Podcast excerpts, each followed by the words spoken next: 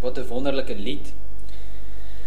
God is altyd in beheer en ons vergeet dit partykeer. Ons skriflesing dan vanaand is Matteus hoofstuk 24 en ons gaan daar saam lees vanaf vers 1 tot 8. Matteus hoofstuk 24 en ons gaan daar saam lees van vers 1 tot 8. En Jesus het uitgegaan en van die tempel vertrek. En sy disippels het nader gekom om hom die geboue van die tempel te wys. En Jesus sê vir hulle: "Sien julle al hierdie dinge? Voorwaar ek sê vir julle, daar sal sekerlik nie een klip op die ander gelaat word wat nie afgebreek sal word nie." En toe hy op die olyfberg gaan sit het, kom die disippels alleen na hom en sê: "Vertel ons, wanneer sal hierdie dinge wees? En wat is die teken van u koms en van die volëinding van die wêreld.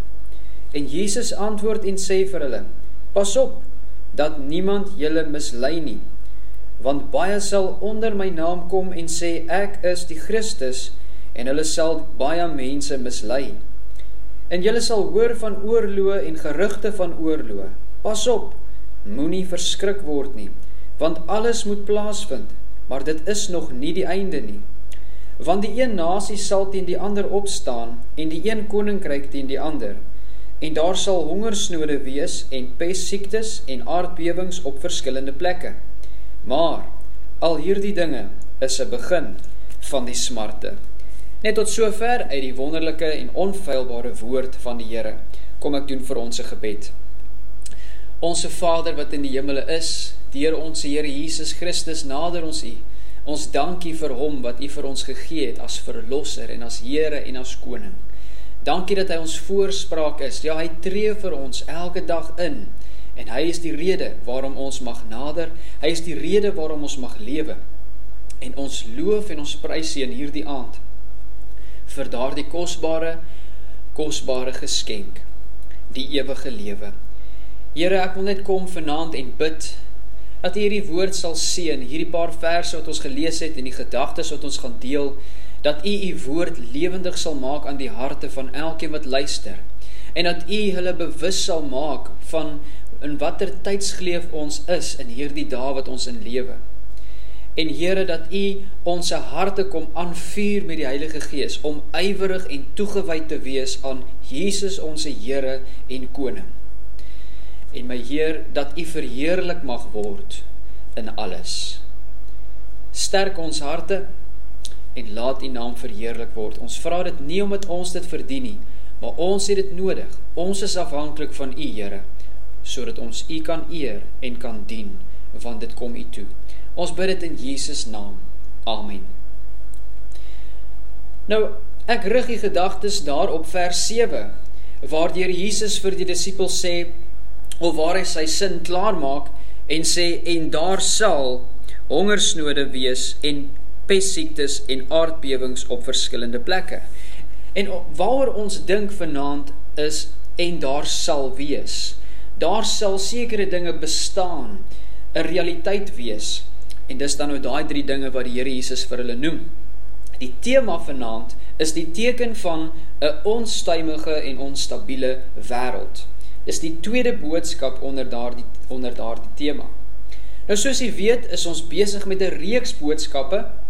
Die reeks se tema is: Waar staan ons ten opsigte van die einde van alles en die koms van Jesus? Na aanleiding van die vraag wat die disippels vir Jesus gevra het, toe hy vir hulle gesê het dat die mooi geboue waarna hulle gekyk gekyk het verwoes gaan word, Dis waar daardie reeks tema vandaan kom. Dis waar ek die vraag begine vra het, maar waar staan ons ten opsigte dan van hierdie dinge? As die disippels so lank terug al daardie vraag gevra het. En wanneer ons hierdie gedeelte lees Matteus 24, die hele hoofstuk tot en met vers 35, dan word ons bewus dat Jesus besig is om die disippels hierdie drie vrae te beantwoord. Wanneer sal Jerusalem verwoes word? Nou ons weet dit het klaar gebeur. Die tempel is verwoes, daar's nog net 'n stukkie muur oor. Wat is die teken van die volëinding van die wêreld? Wanneer gaan hierdie wêreld 'n einde kry? En dan wat is die teken van die koms van Jesus?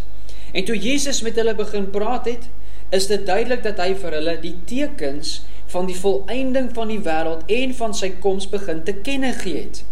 En ons kon toe sien dat tot en met vers 8 is daar tekens wat die begin van die smarte kenbaar maak. Want wat het hy daar gesê? Hy sê maar al hierdie dinge is 'n begin van die smarte. Hierdie dinge verwysend na wat hy daar in vers 4 tot en met 7 vir hulle al gesê het. Tye van pyn, tye van geweldige moeite, moeilike tye, het die Here Jesus gesê sal begin. En ons het gesê 'n subtema van hierdie reeks is die tekens dat die smarte al begin het. Vers 1 tot 8 van Matteus 24. En toe het ons begin kyk na die eerste teken van die tekens dat die smart al begin het en dit is die teken van valse Christusse. As jy onthou, so 'n paar weke terug, dan het ons gepraat oor die teken van valse Christusse en dat hulle volop is. Waarmee hulle gaan besig wees? Hulle gaan mense mislei. Hulle gaan onder die naam van Jesus kom. Hulle gaan dinge sê en doen wat wat verskriklik en aardig is en daar gaan e-, eintlik mense agter hulle aangaan. En ons het 'n paar voorbeelde gesien van ons hedendaagse mense wat daarmee besig is sommer hier in ons eie in ons eie provinsie is daar een. Ja. En ons het gesê dat hulle is volop. En toe het ons in ons vorige boodskap die tema hanteer, die teken van 'n onstuimige en onstabiele wêreld en ons het oorloë hanteer. So die eerste teken was valse Christusse. Toe kom sê die Here Jesus daar gaan oorlog wees, nasies gaan te mekaar opstaan en ons het hierdie gedagte van oorlog hanteer en Jesus het gesê dat hulle sal sekerlik plaasvind. Ons gaan hoor van hierdie oorlog of hulle besig is en of hulle nog op pad is. Uh, ons gaan besef hulle is onvermydelik. Dit kan nie gekeer word nie, dit moet gebeur. Maar die feit dat dit plaasvind, moenie ons laat dink dat dit is die einde nie. En dit is baie duidelik in die in die gedagte dat Wêreldoorlog 1 en 2 het al gebeur en dit was nog nie die einde nie, want daai is die grootste oorlog waarvan ons weet. En Jesus het ook gesê, moenie laat oorlog die gerugte daarvan jou bang maak nie. En ons het bietjie daaroor gesels en ons het besef maar dis 'n teken dat die smarte begin het. Wat ons weet wat 'n geweldige effek het oorlog in mense se lewens. En hierdie boodskap vandag wat ons dan nou vanaand hanteer, is 'n verdere hantering van die tema die teken van 'n onstabiele en onstuimige wêreld, want nadat Jesus die disippels geleer het aangaande die oorlog as teken, het hy die gedagte klaar gemaak met nog 3 verskynsels onder die gedagte van oorlog. Dis hierdie oorlog wat 'n onstuimigheid en onstabiliteit in die wêreld veroorsaak in die harte van mense en hulle lewens in die bestaan en vooruitgang van lande, koninkryke, nasies en volkere. Ja, die mensdom is op die oomblikke onstuimige en onstabiele plek, opstande. Mense is kwaad, mense is ongelukkig, mense se lewens val uitmekaar uit. En onder die mense sal dit so wees en oorloos die uitvloeisel en ook die oorsaak daarvan. Maar nie net onder en tussen die mense sal daar hierdie onstuimigheid en onstabiliteit gesien word nie, sê die Here Jesus, maar ook in die natuur of die skepping van die Here. Sekere verskynsels sal na vore kom en sal ons laat besef dat die skepping en die mense is deurmekaar en word geskit asof om wakker te word, asof om bewus gemaak te word van iets wat aan die kom is. Hierdie verskynsels is nie toevallige verskynsels in hierdie lewe nie. Dis handelinge van die Here of omdat hy dit direk doen of ander toelaat om dit te doen. Maar God se doel met hierdie tekens wat hy die mense uh, mee bewus maak, is dat hulle moet besef dat die koms van sy seun is al hoe nader. Hulle moet besef dat die tye van die einde is op hande uh, van die snelle geloop van God se sake op sy horlosie. Hierdie boodskap wat ons dan vanaand gaan hanteer is baie informatief Dit gee inligting uit die woord van die Here uit, uit statistiek uit en dalk 'n nuusberig of twee. Dit poog om u bewus te maak van hierdie tekens oor die tyd en in ons dag sodat u kan besef nie net het die dinge al in vervulling begin tree nie, maar sekerlik is dit tans besig om te gebeur. En dit moet ons hart rig op die klimaks van al hierdie gebeure en dit is daardie vers wat ons lees in Matteus 24 vers 31. En dan sal die teken van die seun van die mens in die hemel verskyn en dan sal al die stamme van die aarde rou bedryf en die seun van die mens sien kom op die wolke van die hemel met groot krag en heerlikheid. Dit is nie vers 31 en dis vers 30, maar dis die klimaks waartoe al hierdie dinge oploop. En hierdie boodskap maak ons bewus daarvan dat daardie dag is op pad. En hy's baie nader as wat hy 2000 jaar terug was toe die Here Jesus hierdie dinge vir sy disippels geleer het. So kom ons begin. 'n Verskynsel dan in die teken van 'n onstuimige en 'n onstabiele wêreld is hongersnode. Die Here Jesus sê vir die disippels daar dat daar sal hongersnode wees. Die woord hongersnood beteken dat daar 'n groot tekort is aan voedsel wat mense laat met die liggaamlike gevoel van ongemak en die gevoel dat hulle noodsaaklik en dringend iets moet eet, maar daar is nie iets om te eet nie. Dit is die nood van hongerte, omdat daar nie kos beskikbaar is vir een of ander rede nie.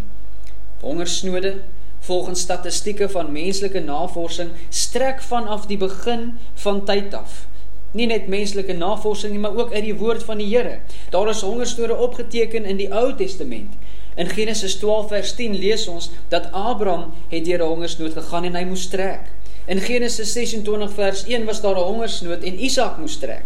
In Genesis 41 vers 27 het uh, was daar 'n hongersnood en Josef is as 'n rolspeler gebruik om te sorg nie net vir die mense in Egipte en in die omstreke daarvan nie, maar ook vir sy paale en sy broers.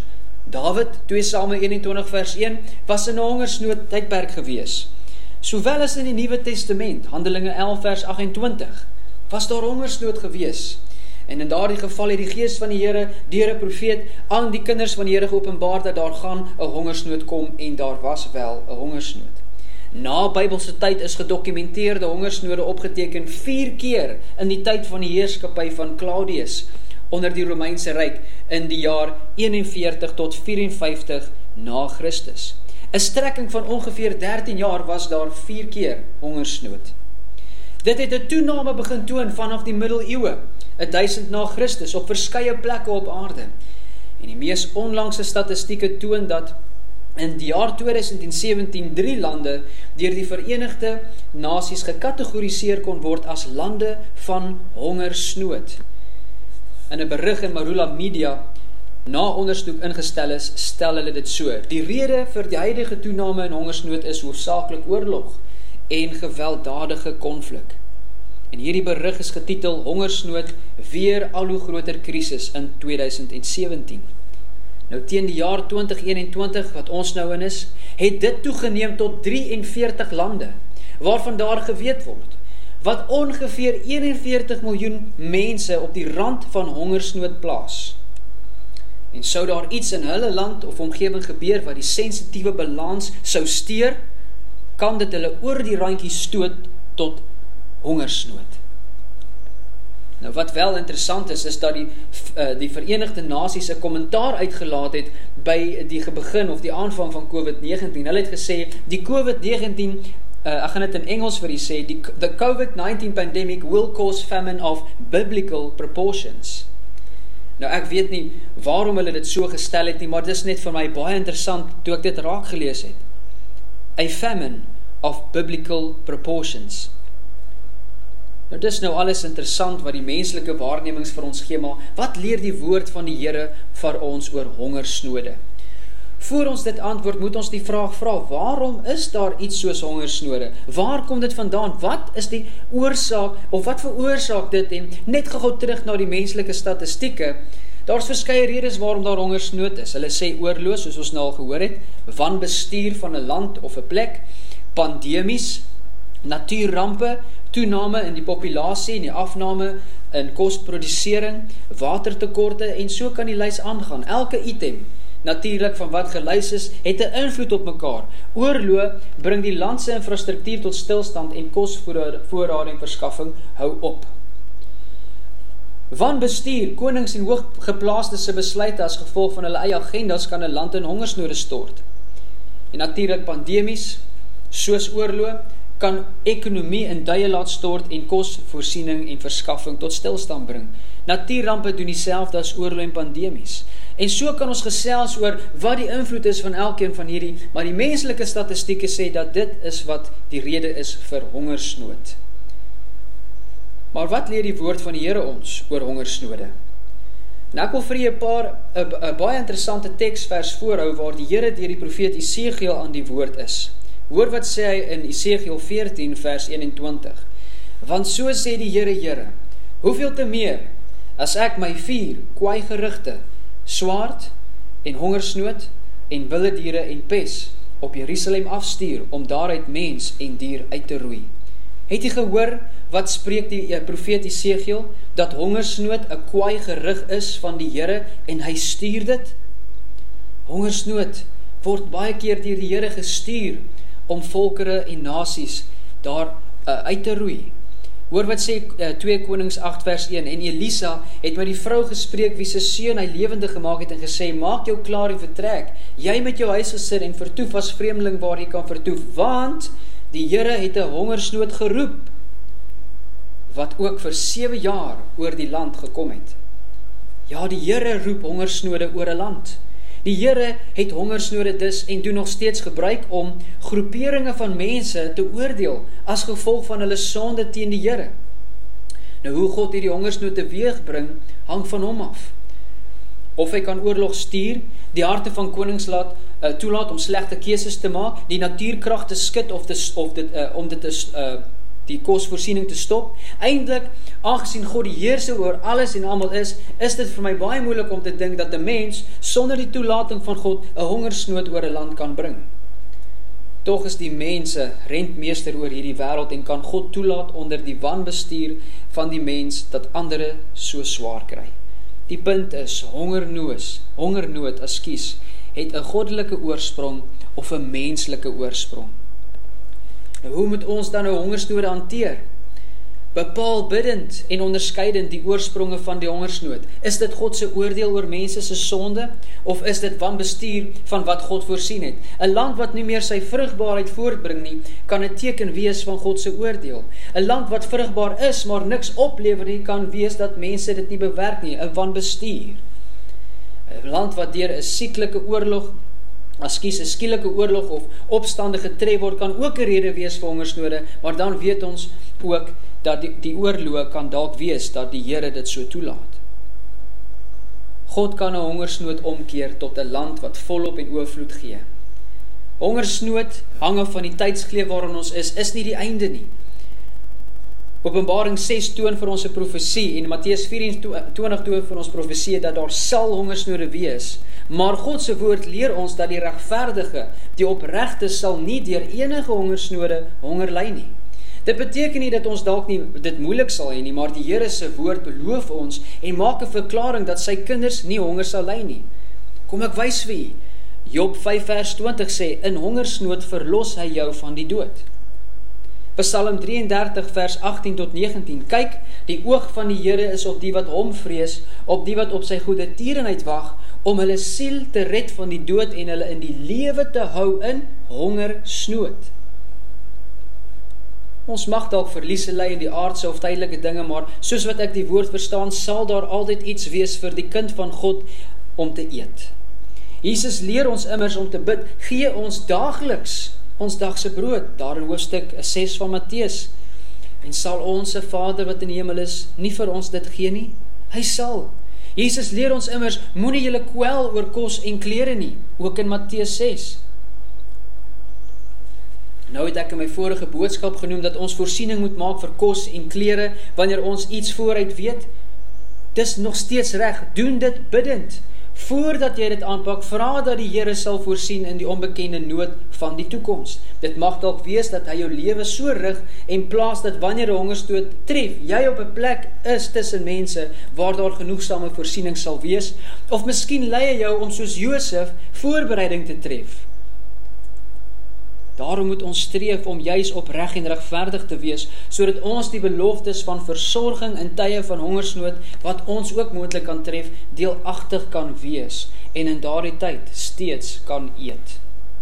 En ons het al tot dusver baie daaroor gesels. Ons is nie net regverdig uit onsself nie, maar net wanneer ons deur die geloof in Christus bekeer het tot God en hy ons 'n nuwe skepsel gemaak het, dan is ons regverdig.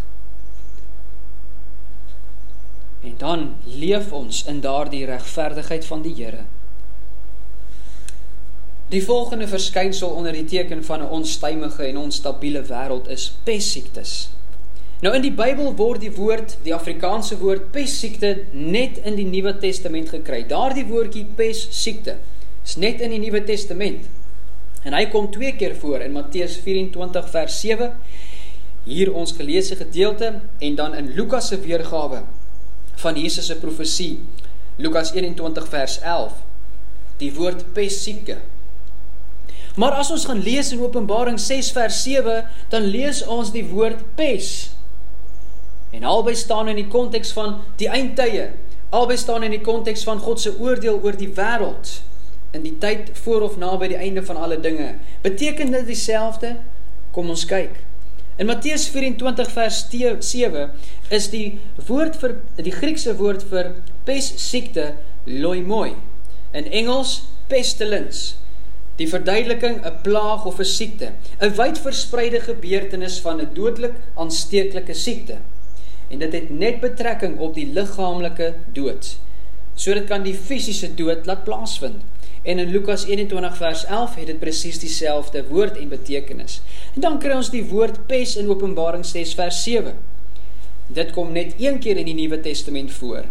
Ek lees vir ons daardie vers en toe hy die vierde seël oopgemaak het, hoor ek die stem van die vierde lewende wese sê kom kyk. En ek het gesien en kyk, daar was 'n valperd en hy wat daarop sit, sy naam is die dood. En die doderyk het hom gevolg. En aan hulle is mag gegee oor die vierde deel van die aarde om dood te maak met swaard en hongersnood en pes en deur die wilde diere van die aarde. So uit daardie vers sien ons dat God verleen iemand die mag om met pes dood te maak, maar daardie woordjie pes in die Grieks is nie ehm um, dieselfde as wat ons vind in Matteus 24 vers 7 nie. Dis die Griekse woordjie thanato. Dis nie loimois nie, dis thanato wat beteken in Engels death of dood. Dit word gebruik wanneer Jesus verwys na sy kruisdood waar mens 'n mens doodmaak. Die Griekse woord thanato word op baie keer op ander plekke ook gebruik in die Griekse manuskripte, maar word vertaal as dood en nie pes nie. Nou wanneer dit so vertaal word, lei die konteks ons want dit word gebruik in die konteks van sonde. Waar sonde 'n mens se geestelike dood veroorsaak. Die woord kan dus die fisiese dood wees, maar ook die siele of die geestelike dood as gevolg van sonde. Nou in die Ou Testament op verskeie plekke kom dieselfde Griekse woord voor en dan word dit vertaal ook as pes. Daai thanato word vertaal as pes. Dis een van die vier kwaai gerigte van God volgens Jesegiel. As u sal onthou, het ons Psalm 91 behandel en juis het daardie woordjie pes daarin daarin voorgekom. En met die basiese woordstoer het ons bepaal dat verwys na die oordeel van God wat kom oor mense wie in sonde leef teen die Here. In hierdie geval verwys dit na 'n fisiese dood wat gesterf word. So wat sê dit vir ons? Die woord looi mooi, pes siekte en thanato dood of pes is duidelik verskillende Griekse woorde, maar word met pes vertaal en los ons in Afrikaans met die idee dat albei na dieselfde verwys en tog vertaal die King James version dit as pestilence en death, verskillende goeters. So wat is die verskil? Looi mooi is die fisiese dood wat deur 'n hoogs dodelike en aansteeklike siekte veroorsaak word terwyl thanato 'n fisiese dood kan wees op enige wyse veroorsaak.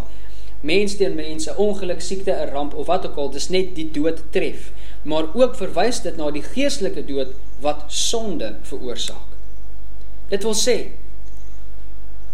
hierdie verskynsel in Matteus 24 verwys na 'n spesifieke dood wat gesterf gaan word, 'n spesifieke ding wat plaasvind en dit is 'n teken van 'n onstuimige en stabiele onstabiele wêreld dat 'n wyd verspreide dodelik aansteeklike siekte mense sal tref. Dis nie die dood van 'n karongeluk nie. Dis nie die dood van kanker nie. Dis nie die dood van enigiets van 'n geweer of iets nie. Dis die dood van 'n pessiekte. En dit tref die wêreld. Vandat Jesus hierdie woorde gespreek het dat daar op verskeie plekke pestsiektes sal wees, was daar al ongeveer 'n totaal van 268 gedokumenteerde pandemies oor 'n tydperk vanaf die 2de eeu tot en met nou, waarvan 18 van hulle wêreldwyd was. Vanaf die 2de eeu tot en met die 15de eeu was daar per 100 jaar nie meer as 4 pandemies nie. En in die 16de eeu het dit gespring. Die 16de eeu het 13 pandemies in 100 jaar. Die 17de eeu het 23 pandemies in 100 jaar. Die 18de eeu het 28 pandemies in 100 jaar. Die 19de eeu het 53 pandemies in 100 jaar. Die 20ste eeu het 44, hy het so bietjie afgedaal, maar in die 21ste eeu waarvan daar nog net 'n kwart verby is, is daar al 69 pandemies reg oor die wêreld gedokumenteer. Nie elkeen van hulle is wêreldwyd nie, maar 69 gevalle in in in in die afgelope 20 jaar is al gedokumenteer oor die wêreld. Nou soos jy kan sien is daar 'n geweldige toename in pestsiektes reg oor die wêreld vanaf 'n sekere tyd, die 16de eeu, het daar 'n toename plaasgevind. Ek kan dan nou nie anderste as om te verwys na die verskynsel van die koronavirus nie, wat al meer as 'n jaar reg oor die wêreld woed nie. Volgens statistiek is ongeveer 4.7 miljoen mense al oorlede van hierdie pestsiekte. Ja, hierdie verskynsel veroorsaak geweldige impak op elke mens se lewe, emosioneel, geestelik en fisies, finansiëel. Net soos met die hongersnote, snode is pestsiekte en pes ook 'n oordeel van die Here. Ons het dit behandel in Psalm 91, die verderflike pes die dood van die siel en die dood van die liggaam deur siekte. Maar ek wil vanuit die woord van die Here vir u as 'n toegewyde kind van die Here kom bemoedig. Hy wat in die skuilplek van die Allerhoogste sit, sal vernag in die skaduwee van die Almagtige. Ek sal tot die Here sê my toevlug en my bergvesting, my God op wie ek vertrou, want hy is dit wat jou sal red uit die net van die voëlvanger van die verderflike pes. Hy sal jou dek met sy vlerke en onder sy vleuels sal jy skuil. Sy trou is 'n skild en 'n panser. Jy hoef nie te vrees vir die skrik van die nag, vir die pyl wat bedags vlieg nie, vir die pes wat in die donker wandel, vir die siekte wat op die middag verwoes nie. Al val daar 1000 aan jou sy en 10000 aan jou regterhand, na jou sal dit nie aankom nie. Dit sê die woord van die Here vir elke een wat in Christus skuil. Maar vir die wêreld is daar 'n waarskuwing. Die Here gebruik ook pestsiektes. Luister mooi wat ek sê, die Here gebruik ook pestsiektes om mense te oordeel. Hulle tot die besef te laat bring dat hulle nodig het om te bekeer tot God deur Jesus. En as dit 'n onduidelikheid is in iemand se lewe, moet hulle die Here soek en vra Here, waarom is ek siek? Hierdie verskynsel is net nog 'n poging van God se roepstem tot die mens waar hy roep en sê: "Kom, laat ons die saak uitmaak. Al was jou sonde soos skarlaken, dit sal wit word soos sneeu." Bekeer jou, sê die woord van die Here in Matteus 4 vers 17, want die koninkryk van God het naby gekom. Dit is 'n teken van 'n onstabiele en onstuimige wêreld. 'n Verskynsel dan in die teken van 'n onstabiele en onstab uh onstuimige wêreld is aardbewings en dis ons laaste gedagte. Aardbewings is die Griekse woord seismoi en beteken om iets te wieg, te vibreer, te irriteer of te laat bewe wat beweging en skudding veroorsaak. Dit gebeur met die aardkors en dit kan geboue en infrastrukture in 'n oomblik vernietig. Mense en huise val in die aardkors in. Dit los groot skade en dodetalle. Aardbewings is opgeskryf in die woord van die Here. En dit is baie interessant wanneer ons bietjie hierna kyk. In 1 Konings 19 vers 12 het die Here verskyn aan Elia en net voordat hy met Elia gepraat het, was hy op pad na hom toe en daar was aardbewings gewees. In Sagaria vers 14 tot uh, uh, skus Sagaria 14 vers 5 lees ons van die wederkoms van Jesus en daar is 'n aardbewing. So wanneer die Here sy verskyning maak of wanneer hy sy teenwoordigheid bekend maak, dan's daar aardbewings. Matteus 27 vers 54 lees ons dat daar was 'n aardbewing toe Jesus Christus gekruisig is. En En mense het besef dat hy die seun van God is. In Matteus 28 vers 2 lees ons dat daar was 'n aardbewing toe Jesus uit die dode opgestaan het. En dan deurlopende in Openbaring tydens God se oordeel oor die wêreld is daar aardbewings. Aardbewings is 'n verskynsel reg oor die wêreld. 'n Paar jaar na Jesus hierdie woorde gespreek het, ook in die tyd van die heerskappy van Nero, is die stede van Laodicea, Hierapolis en Kolosse verower en die veroveraar Pompei was oorweldig met byna 'n vernietigende met 'n vernietigende aardbewing. Aardbewings vandag volgens die webtuiste is daar in die laaste 24 uur ongeveer 7 aardbewings op land. Nie see nie, land. Wat meet op die Richterskaal tussen 4 en 5. Genoeg om redelike skade aan te doen en dit is 7 uit 37 aardbewings wat strek tussen 'n 2 en net oor 'n 5 op die rigterskaal. Die grootste aardbewing word gevind tydens die 20ste en die 21ste eeu en lê op die rigterskaal bo 8. Daar is 20 van hulle in die laaste 70 jaar gewees. Wat hierdie verskynsel almal in gemeen het, is dat duisende mense daardeur gedood word en die fondamente van hulle lewe onder hulle uitgehaal word. Wat ek bedoel hierso by is hongersnode, pestsiektes en aardbewings het een ding in gemeen. Mense gaan dood. Hebreërs 9 vers 27 leer ons dat die mens is bestem om eenmaal te sterwe en daarna die dood. Dit is wat God bepaal het. Alle mense gaan iewers hierdie tydelike met die ewige verwissel, maar so min wil daaraan dink. So min hou van die gedagte en dis omdat hulle bang is, onseker is en nie weet waarheen hulle sal gaan nie. Vra vir iemand, gaan jy hemel toe? Dan sê hulle ek dink so. Vra vir iemand as jy doodgaan, is jy op pad hemel toe? Ek weet nie. Ek kan nie weet nie. 1 Johannes 5 vers 13 sê vir ons dat ons kan weet ons gaan hemel toe in hierdie lewe. Maar een ek moet in hierdie dae op daardie plek kom waar Paulus gesê het in Filippense 1 vers 21, want vir my is die lewe Christus en die sterwe 'n wins.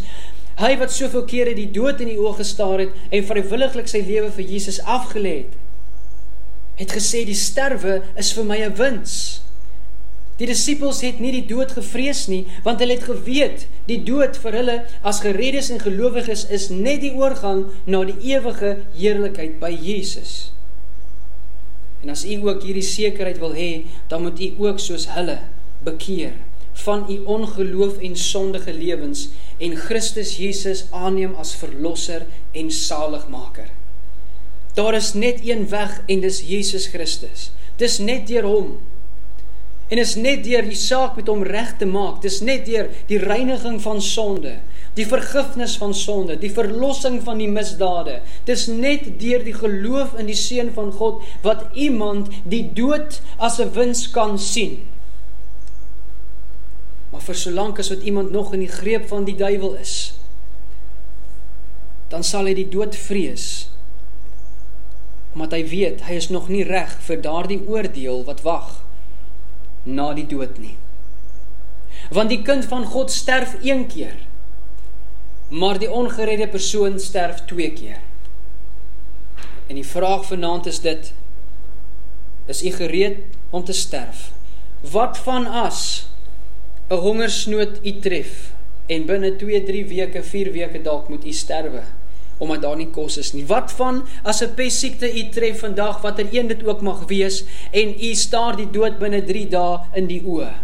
Wat van as 'n aardbewing tref en u val onmiddellik in die grond in en u sterwe?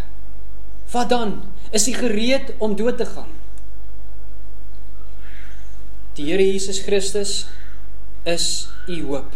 Want die uitnodiging staan voor u en hy sê kom.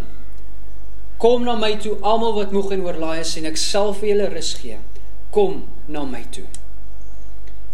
Ek sluit die boodskap af.